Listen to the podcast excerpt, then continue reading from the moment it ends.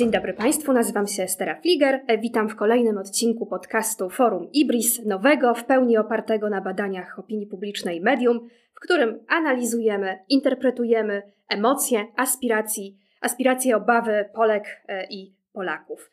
Dzisiaj porozmawiamy o sytuacji kobiet w pandemii. Pamiętam tekst redaktor naczelnej Die Welt Manuele Kasper Klaricz, która zapytała, dlaczego w pandemii zostawiliśmy kobiety na lodzie. I porozmawiamy o tym z naszymi dwoma e, gościniami. E, jest z nami dr Iwona Leonowicz-Bukała, Katedra Mediów Dziennikarstwa i Komunikacji Społecznej Wyższej Szkoły Informatyki i Zarządzania. Dzień dobry. Dzień dobry, witam serdecznie. I jest z nami pani Anna Dyjas-Pokorska, IBRIS. Dzień dobry, witam Państwa. Na początek porozmawiamy o badaniach, które przeprowadził IBRIS kilka dni przed naszą rozmową, a więc są to bardzo świeże e, wyniki badań dotyczące e, lęków Polek i e, Polaków w pandemii, ich obawy, ich obaw o przyszłość. I na pytanie, czy obawiamy się o przyszłość finansową, 26% kobiet odpowiedziało, że zdecydowanie tak, podczas gdy 23% mężczyzn odpowiedziało, że zdecydowanie tak, zdecydowanie obawia się o przyszłość finansową. Więc tu jest różnica trzech punktów E, procentowych. Ostatnio dużo się mówi o tym, iż pandemia ma wymiar e, klasowy, tak? iż 40% e, mieszkańców Unii Europejskiej mogło przejść na tryb pracy zdalnej, a więc pracować w domu przy laptopach. Mówi się o wykluczonych na przykład mieszkańcach DPS-ów, ale właśnie zacznijmy rozmawiać o tym, czy doświadczenie pandemii jest inne dla mężczyzn i kobiet na podstawie tych pierwszych wyników badań, o których wspomniałam, a więc obaw o przyszłość finansową. Pani Anna Dyjas-Bukorska.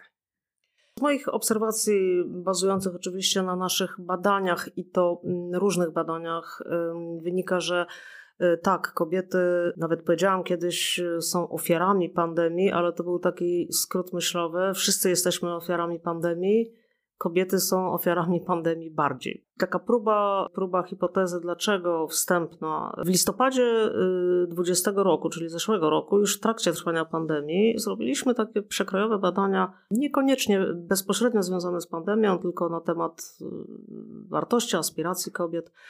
I y, nie chcę o nich mówić szeroko, ale powiem jedną rzecz, bo to jest bardzo ściśle związane właśnie z sytuacją pandemii. Kobieta na przestrzeni mm, pokoleń, kobieta polska, zmieniła swoją e, rolę znacząco e, w rodzinie.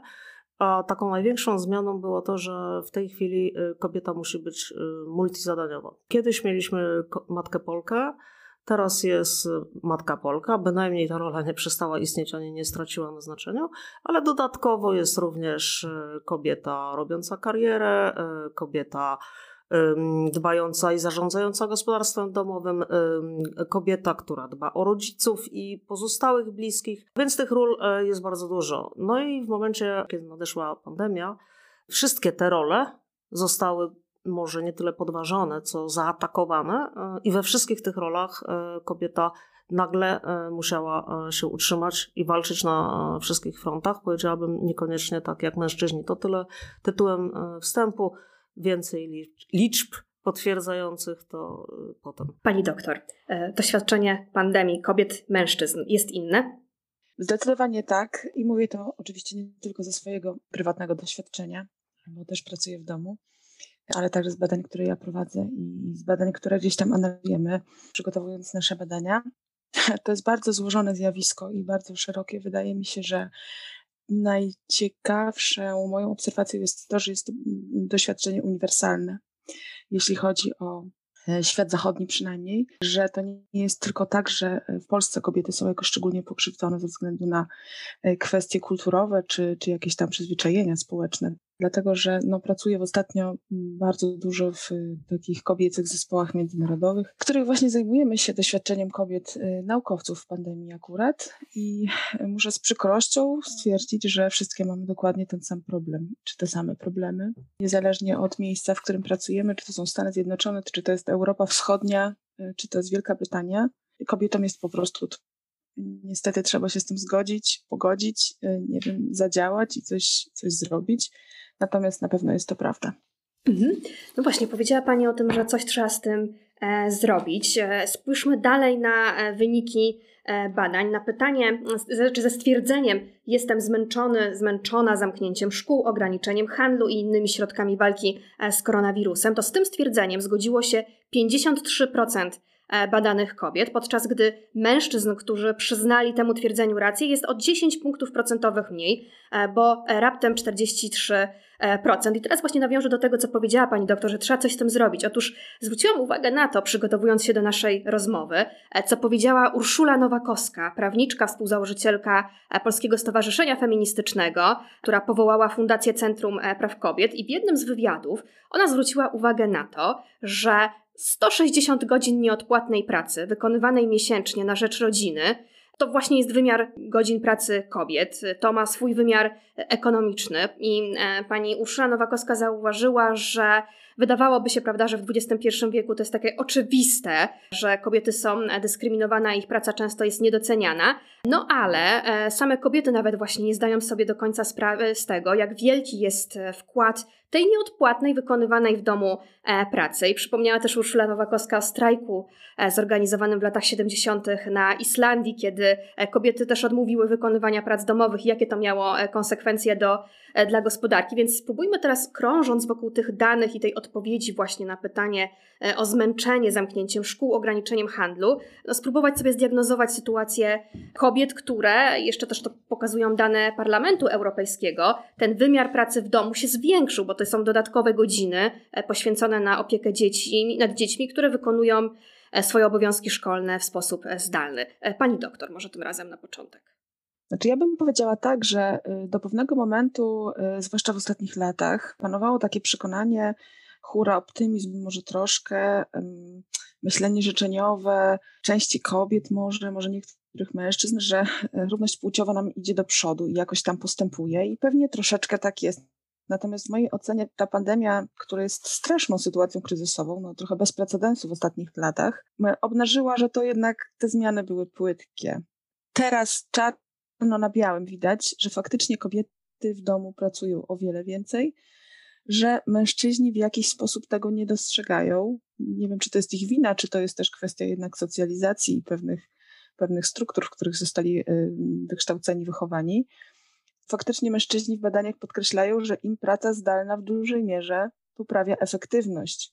Moja praca zdalna w domu jest najmniej efektywna w historii chyba mojej kariery mm, zawodowej e, obecnie, chociaż liczba na przykład obowiązków organizacyjnych spadła teraz na uczelni, no bo nie bywamy na uczelni, spadł czas, który poświęcamy na dojazdy do pracy, spadł czas, który poświęcamy na jakieś e, spotkania w mniejszych, większych gremiach, gronach, komitetach y, na, na uniwersytetach. Natomiast praca w domu, zwłaszcza kiedy się posiada dzieci i godzenie nowych obowiązków y, domowych i tych dotychczasowych, to jest naprawdę duże wyzwanie.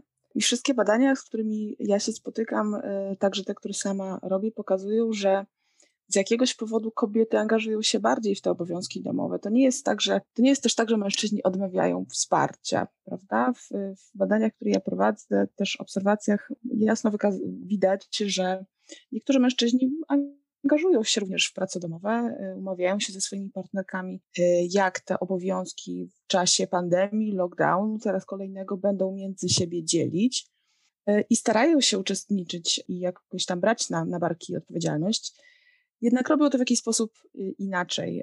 Kobieta jest jednak y, wielozadaniowa i opiekując się dziećmi, no jest w stanie zrobić o wiele więcej różnych jeszcze rzeczy w domu. Mężczyźni bardziej zadaniowo, projektowo y, podchodzą do, do tego zadania. Jak się bawią z dziećmi, to się bawią z dziećmi. Być może stąd nie widzą tego natłoku i nawału rzeczy, które kobieta jednak, jednak musi zrobić. No tej niewidzialnej pracy, tak? Jakby to się nie zmieniło to tylko teraz możemy jeszcze, jeszcze lepiej e, zobaczyć. Trudno powiedzieć, co z tym można zrobić. Czytałam niedawno e, prognozy mówiące o tym, że w Europie jesteśmy w stanie osiągnąć równość płciową za jakieś 60 lat. To była prognoza z 2018 roku, czyli jeszcze z czasu sprzed pandemii. Pandemia na pewno e, ten progres zatrzyma w jakimś sensie. Na pewno proces zmian jakichkolwiek musi być długofalowy, tak, jeśli chcemy cokolwiek tutaj zmieniać jednej recepty na pewno nie ma. Na pewno trzeba to badać i trzeba o tym rozmawiać. Na pewno jeśli będziemy mówić o tym, podnosić temat, to jest to jakiś przyczynek do, e, do zmiany społecznej. E, czy trzeba było pandemii, żeby zobaczyć właśnie tą niewidzialną pracę kobiet i zwrócić uwagę na to, że ich e, start w realizację zawodową jest dużo trudniejszy? Pani Anna Dyjas-Pokorska. Na pewno niepotrzebna była pandemia, żeby zobaczyć te różnice. Tak? Y, tutaj y, posłużę się może takim cytatem, bo to zawsze będzie ciekawiej. Y, rozmawiamy na badaniach jakościowych bezpośrednio z ludźmi, w tym przypadku z kobietami z dużych miast na przykład. Rozmawialiśmy, te, rozmawialiśmy też z, oczywiście ze średnich miast i ze wsi paniami. To jest akurat cytat z dużego miasta. Jesteśmy takie Zosie Samosie, trochę tych mężczyzn wykastrowałyśmy tą swoją samodzielnością. Oni tylko korzystają na tym równouprawnieniu. Kiedyś tylko musiałyśmy zajmować się domem i dobrze. To jest taki cytat. I to zupełnie było nie a propos e, pandemii, to było a propos takiego wizerunku kobiety polskiej obecnie. Mi się wydaje, że ten cytat się e, sam tłumaczy i ja nie będę go tutaj omawiać. Raczej yy, yy, powołam się na dane e, również z naszych badań, bo e, one mają z tym cytatem związek. Na dużej próbie, właśnie w tym badaniu w listopadzie 20, 2020, pytaliśmy się kobiet o mm, różnego rodzaju postawy społeczne, psychologiczne, które im przyświecają w ich codziennym życiu, jak również o wartości. No i co tutaj nam wyszło? Uważam takiego E, dość e, szokującego, chociaż wcale to nie są pierwsze takie badania, tak, e, które to pokazują. Mm, były to badania międzykrajowe.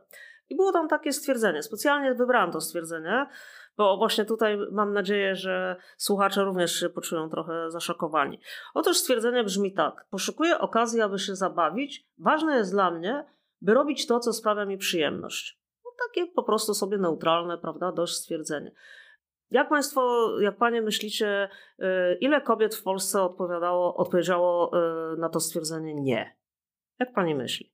Ja myślę, że mniej kobiet odpowiedziało, czy więcej kobiet odpowiedziało nie niż mężczyzn. Ale, ale ile? E, mężczyźni nie odpowiadali. Ile kobiet odpowiedziało, że nie? Nie jest to dla nich ważne. Zabawa Ponad 50. I, no dobrze, 40 godziło się z tym stwierdzeniem mm. e, i tak sporo, e, 29, e, ale proszę mi wierzyć, procent, tak? Ale proszę mi wierzyć, że w krajach takich jak na przykład Szwecja, bo tak z dwóch różnych perspektyw też geograficznych, kulturowych, kompletnie różnych, Szwecja czy Francja, ten odsetek zgadzających się z tym, czyli że tak, ważne jest dla mnie, by sprawiać sobie przyjemność i szukać, i szukać i zabawy i tak dalej, e, tam odpowiedziała połowa populacji kobiecej. U mm. nas e, odpowiedziało tak 29%, a nie powiedziało 40%.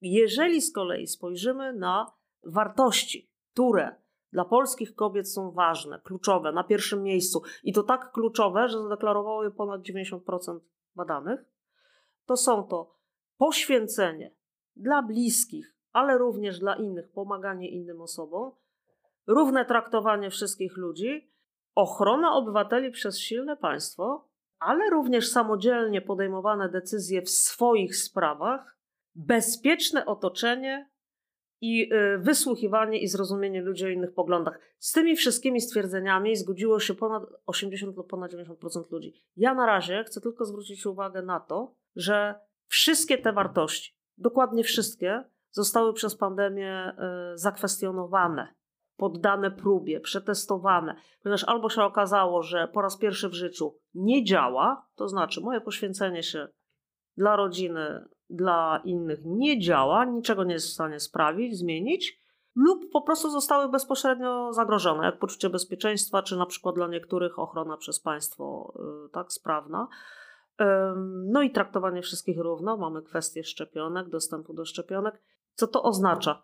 Wszystkie podstawowe wartości, jakby na, na których kobiety polskie opierają swoje życie, zupełnie inne. Ja bym się w związku z tym nie zgodziła, że to jest tak dokładnie tak samo jak w Europie, jest trochę gorzej. Zostały zakwestionowane przez pandemię, skąd bardzo prosty, prosty krok do bezsilności i strachu, które są dwoma dominującymi emocjami, jak wyszło w naszym ostatnim badaniu e, z kwietnia.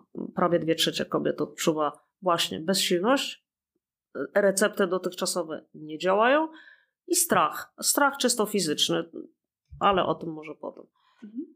Właśnie powiedziała Pani o tym e, poświęceniu, że kobiety są bardziej gotowe do poświęceń. To też widać w strukturze zawodowej. Ja zerknęłam na dane przygotowane przez Parlament Europejski i kobiety stanowią 76% pracowników opieki zdrowotnej w Unii Europejskiej. To jest 49 milionów kobiet. Co więcej, kobiet jest więcej w podstawowych usługach 82% personelu kasowego w Unii Europejskiej i 93% pracowników opieki nad dziećmi i nauczyciel, nauczycielki, tak, to właśnie są kobiety. I e, porozmawiajmy też, e, no tutaj zwróciłam uwagę na ten sektor usługowy, a więc kasowy, opieki. E, porozmawiajmy o zagrożeniach, jakie niesie pandemia. I też przygotowałam cytat. Fragment felietonu, który napisała Ewa Kamińska-Burzałek, prezeska Fundacji Łódzki Szlak Kobiet. Skutkiem pandemii i lockdownu, którego boję się nie mniej niż wirusów, może być odesłanie dużej części kobiet z pracy do domu. Pani doktor, czy bezrobocie zagraża no kobietom? Tak. Mhm bardziej i czy też mamy tak, takie ryzyko z wycofania zawodowego? Proszę.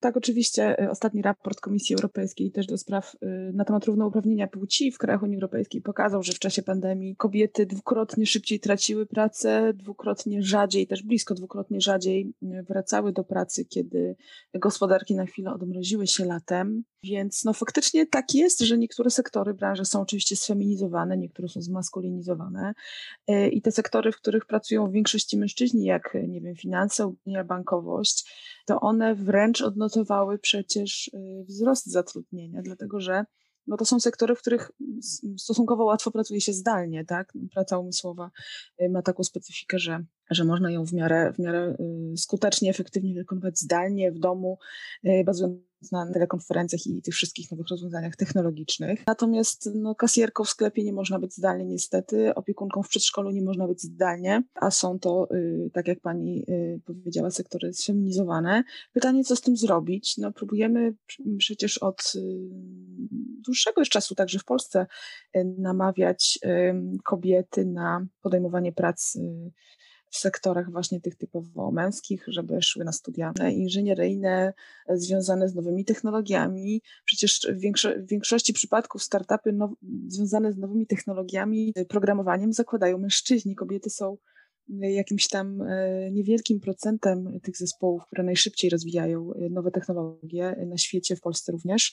E, kobiety zajmują się bardziej marketingiem, można tak powiedzieć, a mężczyźni rozwojem i, i myślą jakby techniczną, prawda?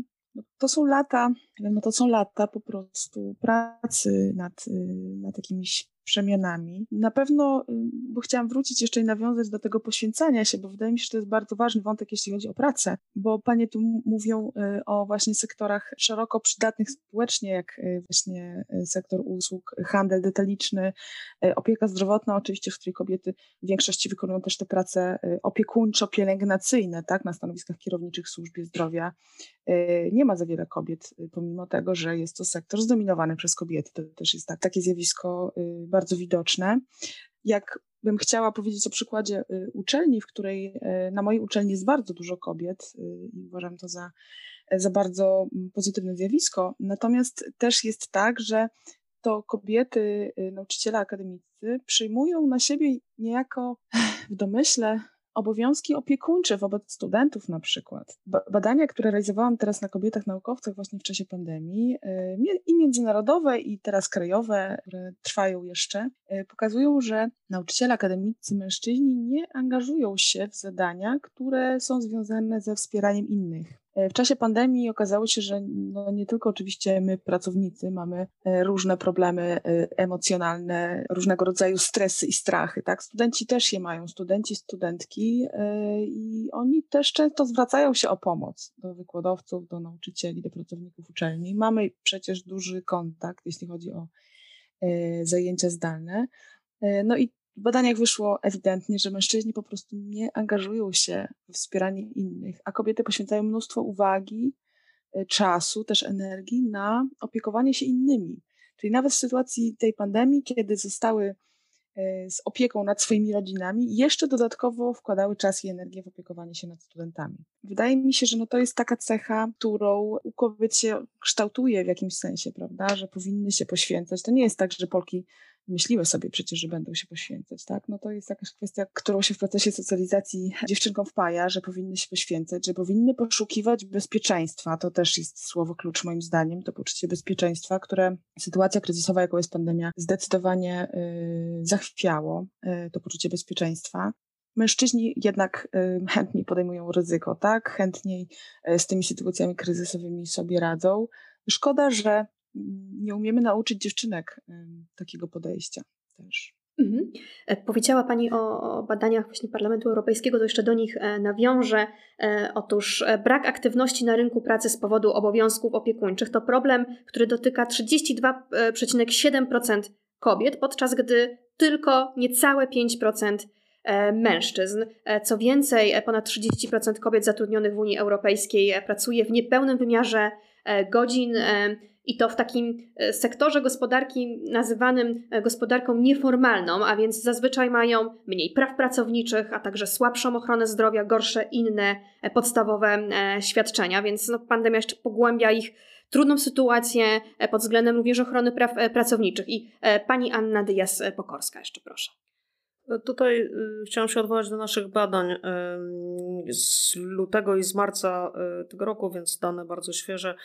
Ja bym powiedziała tak, że mm, generalnie y, spadło zadowolenie z życia, tak? U wszystkich. Y, bardzo znacząco. I, i, i od tego może nawet powinniśmy wyjść i, i właśnie zastanowić się, y, dlaczego.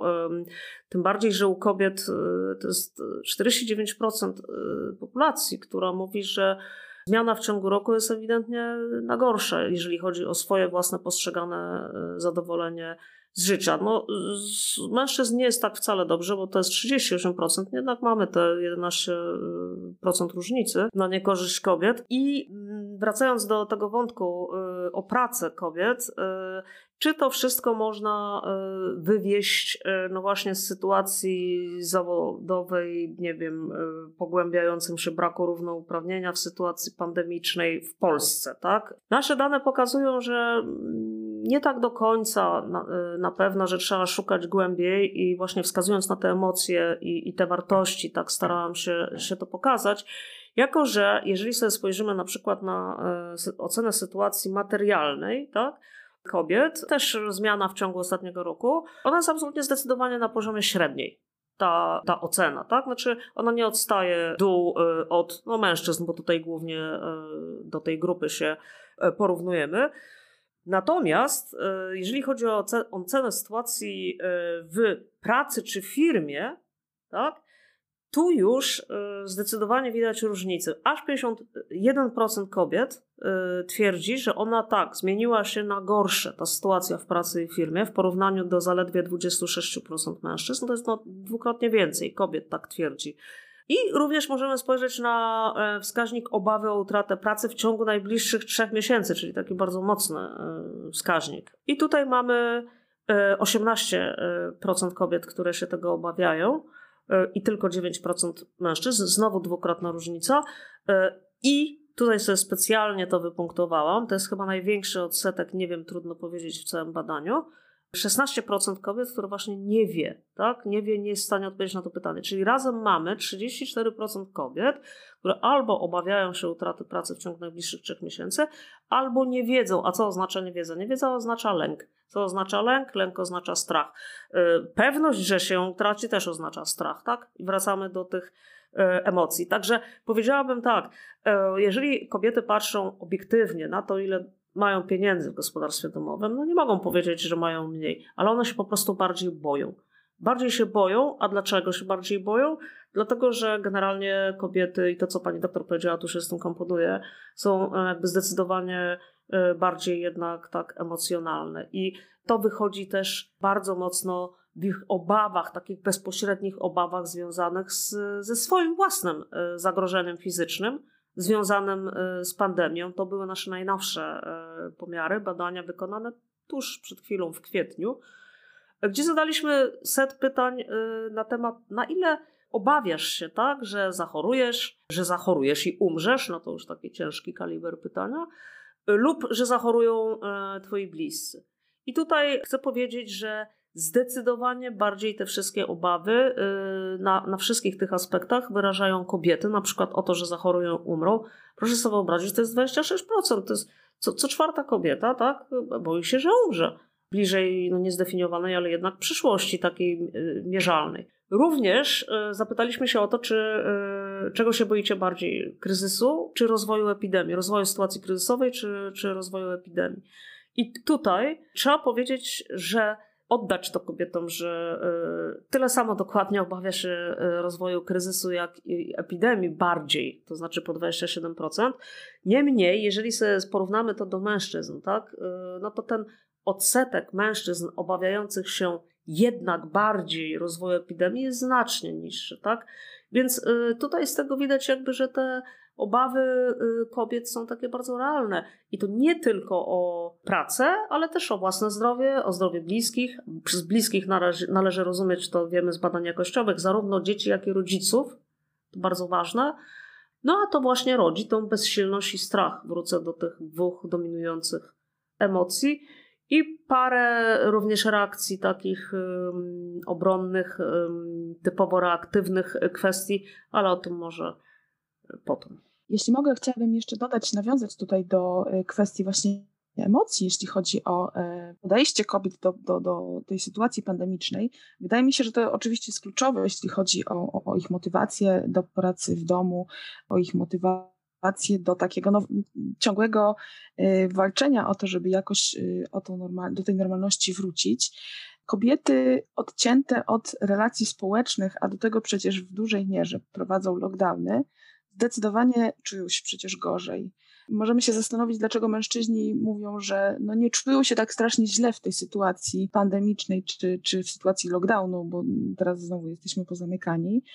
Mogą odpowiadać, że w ten sposób, dlatego że siłą rzeczy oni nie potrzebują aż tak rozbudowanych sieci społecznych. Kobiety jednak bardzo dużo wsparcia czerpią z relacji z innymi ludźmi. Jestem przekonana, że ten stan emocjonalny związany właśnie z utratą relacji, czy w pracy, czy z relacji towarzyskich przez kobiety też bardzo wpływa na ten poziom lęku, który one deklarują. Że jednak wsparcie y, rodziny, spotkania, y, rozmowy y, bardzo dużo dają kobietom, jeśli chodzi o, o ich stan emocjonalny. Mężczyźni są znani z tego, że starają się radzić sobie, sobie samym, tak? Są może bardziej też przyzwyczajeni do tego. To też wychodzi w badaniach psychologów i psycholożek SWPS i Polskiej Akademii e, Nauk, gdzie odnotowano wyższy poziom dystresu u kobiet niż u mężczyzn, a więc symptomów depresji e, i e, lęku uogólnionego. Co więcej, też przypomnijmy badania, które pokazują, iż 50 kobiet tygodniowo w Unii Europejskiej ginie z powodu przemocy domowej, więc ten strach ma też taki, taki wymiar i pandemia przynosi również e, ofiary no, w postaci e, ofiar przemocy e, domowej.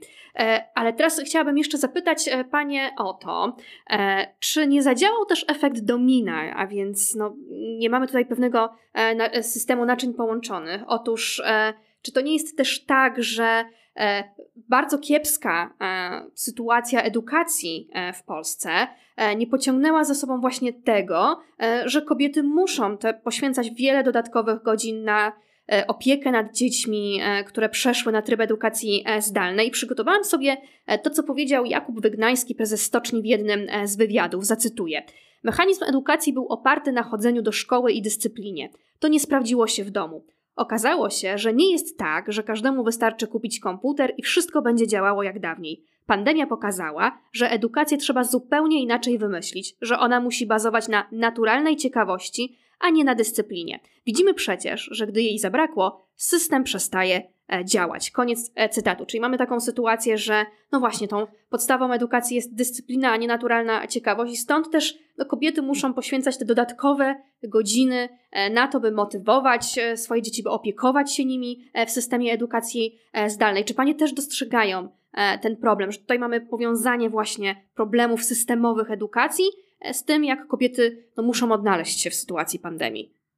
Pani doktor? Wydaje mi się, że związek na pewno jest. Moje dziecko akurat chodzi do prywatnej szkoły, więc ja osobiście akurat z tego problemu tak dobrze nie widzę, bo jego szkoła jest zorganizowana troszeczkę inaczej niż, niż szkoła systemowa, co też pewnie potwierdza jakoś, y, jakąś tą tezę.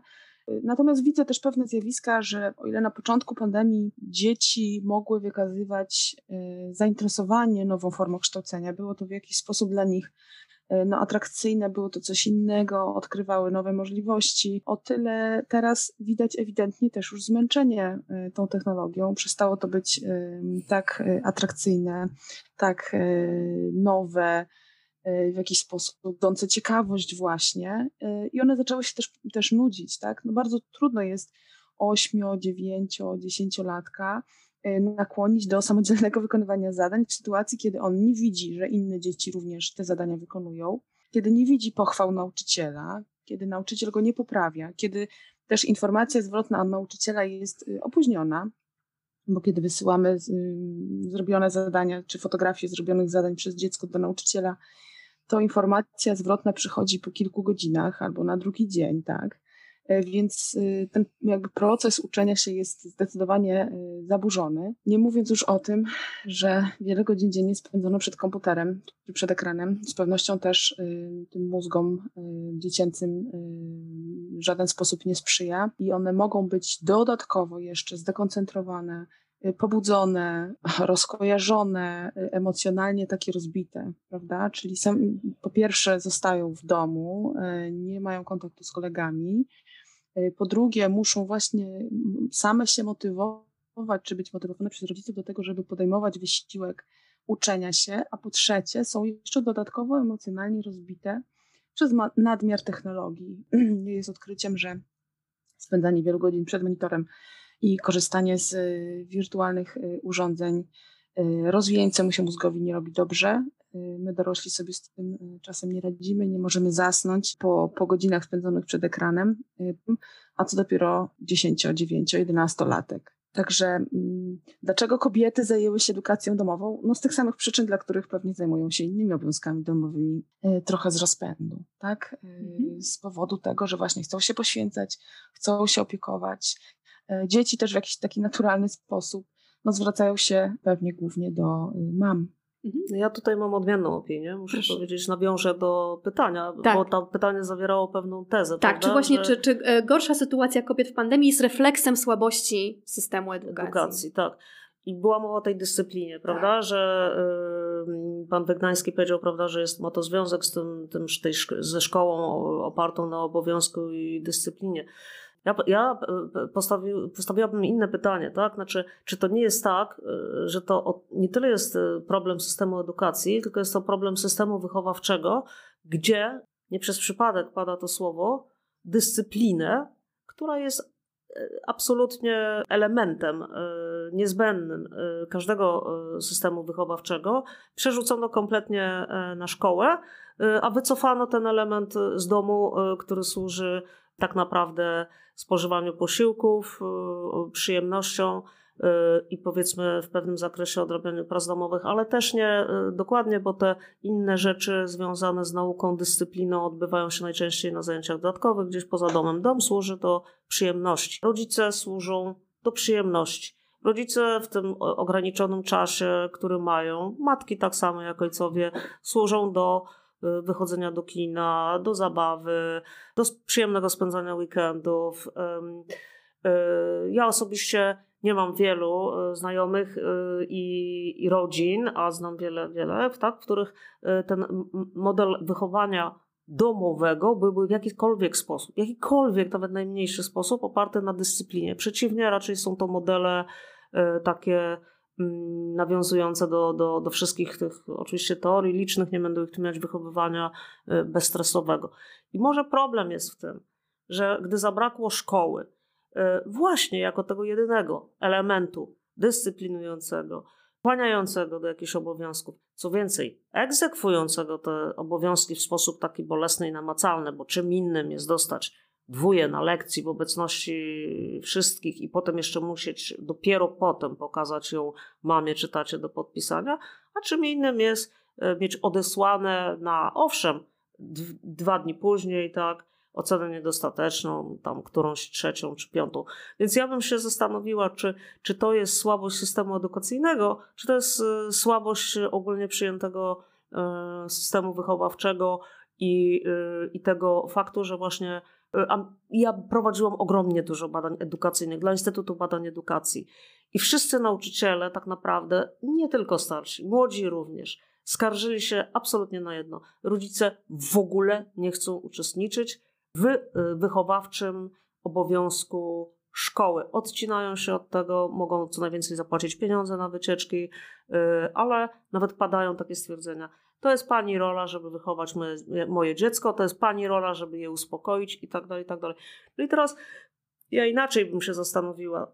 Te dzieci trafiają do domu, w którym nie znają tak naprawdę niczego, tak? I i nagle mają w tym domu spełniać jakieś obowiązki. Kto ma to nagle egzekwować? I może dlatego są takie nieszczęśliwe, że po prostu nikt ich tego do tej pory nie nauczył, żeby pracować samemu. Bo szkoła w tym zakresie może być tylko umiarkowanie wydolna, tak? Musi, musi, zawsze musiała mieć wsparcie od rodziny. Tak, ta, taka jest moja opinia w tym względzie. Również, tak jak mówię, na podstawie licznych badań edukacyjnych yy, prowadzonych w szkołach z rodzicami, nauczycielami i samymi dziećmi, więc nie jest to perspektywa tylko nauczycielska.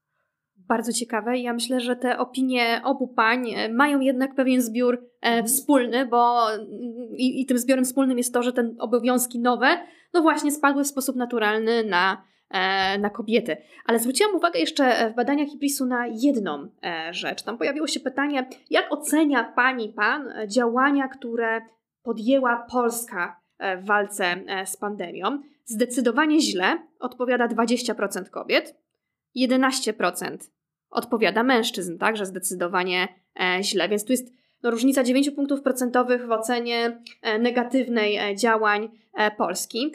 I powiążę to z tym, co też postuluje, co pokazuje Komisja Europejska, iż kobiet zabrakło w większości rządowych organów podejmujących E, codzienne decyzje e, dotyczące walki z pandemią, dotyczące restrykcji e, na 115 instytucji powoływanych jako Komisje Doradcze i Rady Bezpieczeństwa, działających w 87 krajach, w tym 17 w Unii Europejskiej, to w ponad 85% zasiadali głównie E, mężczyźni. I to, co powiedziała pani doktor, chociaż kobiety tak dominują jako e, pracowniczki e, sektora ochrony zdrowia, to nadal jest ich bardzo niewiele na stanowiskach kierowniczych. I spośród unijnych ministrów zdrowia tylko 30% stanowią kobiety.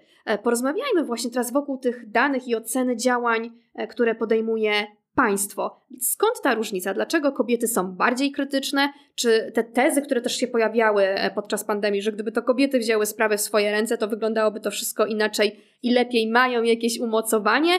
No, porozmawiajmy o tych różnicach. Pani Anna. Ja mogę oczywiście e, e, mówić w odwołaniu się do danych. Również teraz wrócę na chwilę do z kolei do tego badania pokazującego całościowo obraz y, kobiet, ich marzeń, wartości, aspiracji. I tam spytaliśmy się również tak o działalność polityczną y, jako mm, ich taki pożądany y, zakres działania.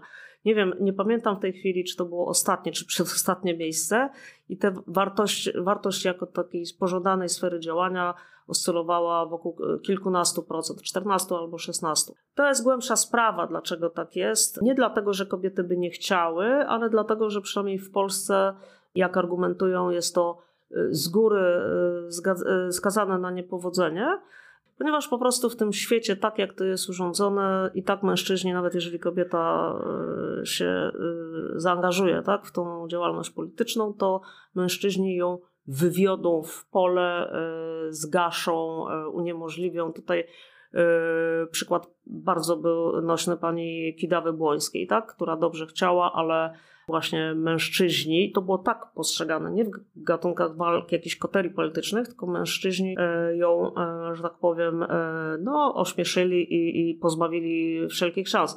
Więc to jest różnie można, nie, nie to jest tematem, tak? Znaczy, dlaczego te, ta, ta aspiracja do działalności politycznej jest taka niska, ale no, na razie jest ona niska, tak? Już dużo większa jest do, do działań w jakichś organizacjach społecznych. Czy by było lepiej, gdyby y, kobiety jakoś zarządzały bardziej tą pandemią? No na, to na, na to pytanie na pewno y, nikt nie odpowie.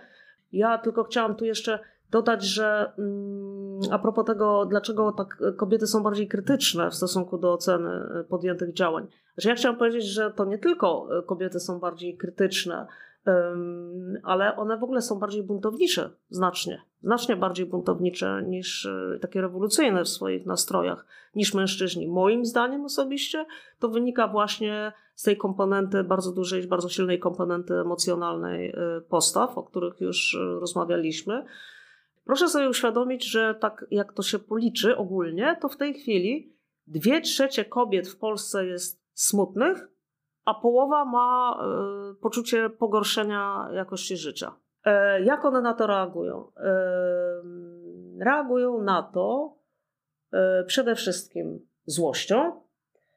55% kobiet, mężczyzn o ileś tam punktów procentowych mniej, wściekłością 46%, zaledwie 1 trzecia mężczyzn, rezygnacją, to jest ta taka bardziej pasywna reakcja, 40% kobiet, 24% mężczyzn. Obrzydzeniem do wszystkiego, tak pewnie to należy czytać, prawie 40%, tylko 23% mężczyzn. I obojętnością. Tutaj jest to jedyna reakcja taka, gdzie kobiet jest mniej. To jest też bardzo tak charakterystyczne. Ta pandemia nie pozostawia kobiet, kobiet obojętnych. No więc jeżeli mamy osoby, smutne, niezadowolone, odczując, odczuwające te wszystkie negatywne bardzo tak, reakcje, to co jest y, nieuniknionym rezultatem? Bunt, większy krytycyzm i co najciekawsze, od tego zaczęłyśmy chyba całą naszą rozmowę, tu z jed... bo dla mnie to było bardzo nielogiczne, bo to jest nielogiczne, kompletnie nielogiczne.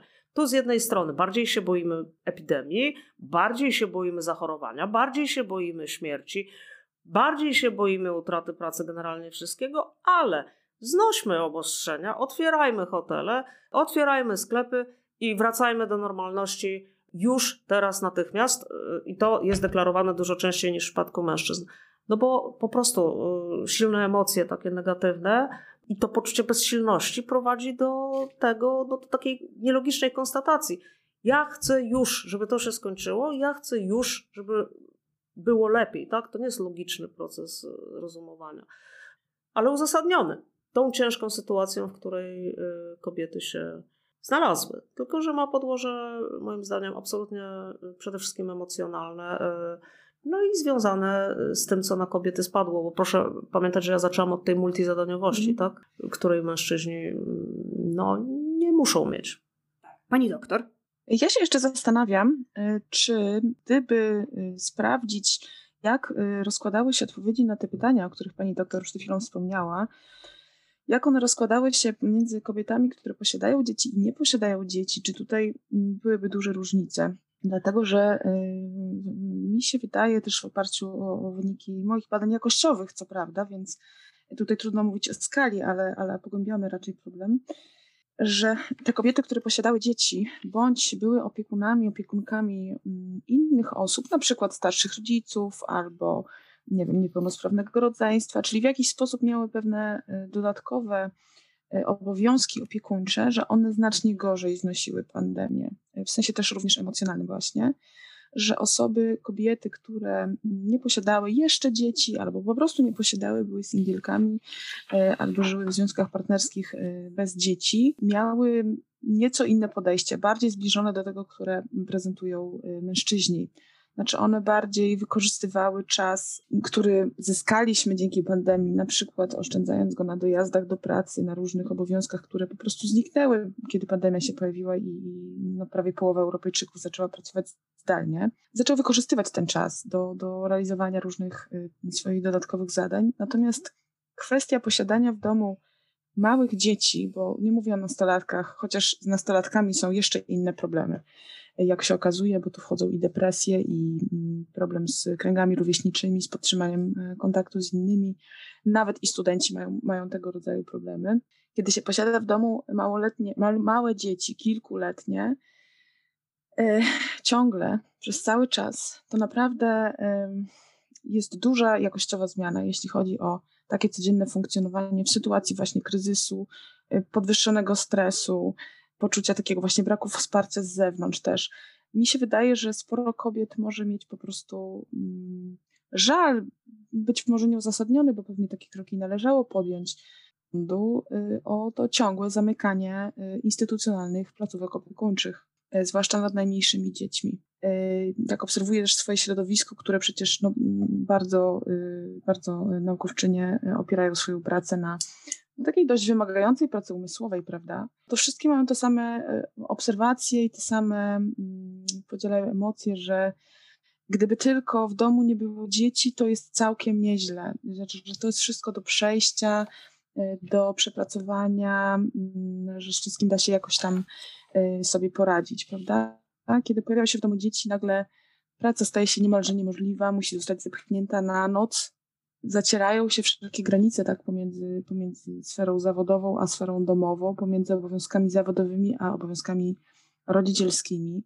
Małe dzieci nie rozumieją, co to znaczy, że teraz jest czas na pracę mamusi. Czy tatusia pewnie też tak y, czasami jest. Dodatkowo jeszcze y, kobiety no, czują w Polsce takie odium, yy, takie oczekiwanie, tak zostały też wychowane, że są opiekunkami, tak, że muszą troszczyć się o emocje swoich dzieci, że nie można dzieci odpychać, że trzeba poświęcać im czas, jeśli tego potrzebują.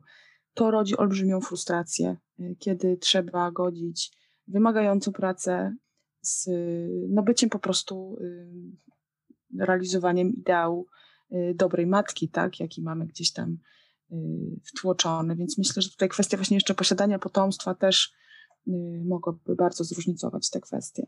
E, jakiś czas temu mamy taki przykład, e, powiedzmy, z kręgu e, kultury masowej.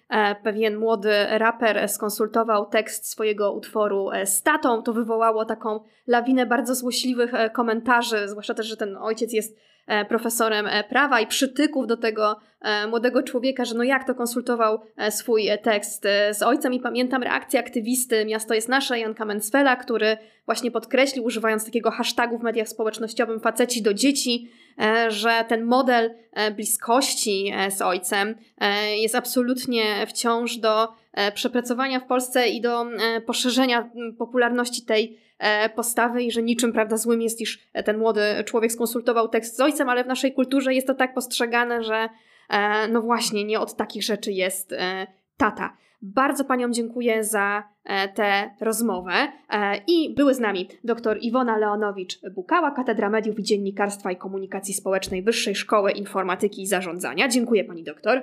Dziękuję uprzejmie Paniom. I Pani Anna Dyjas-Pokorska, IBRIS. Dziękuję uprzejmie, bardzo miło było.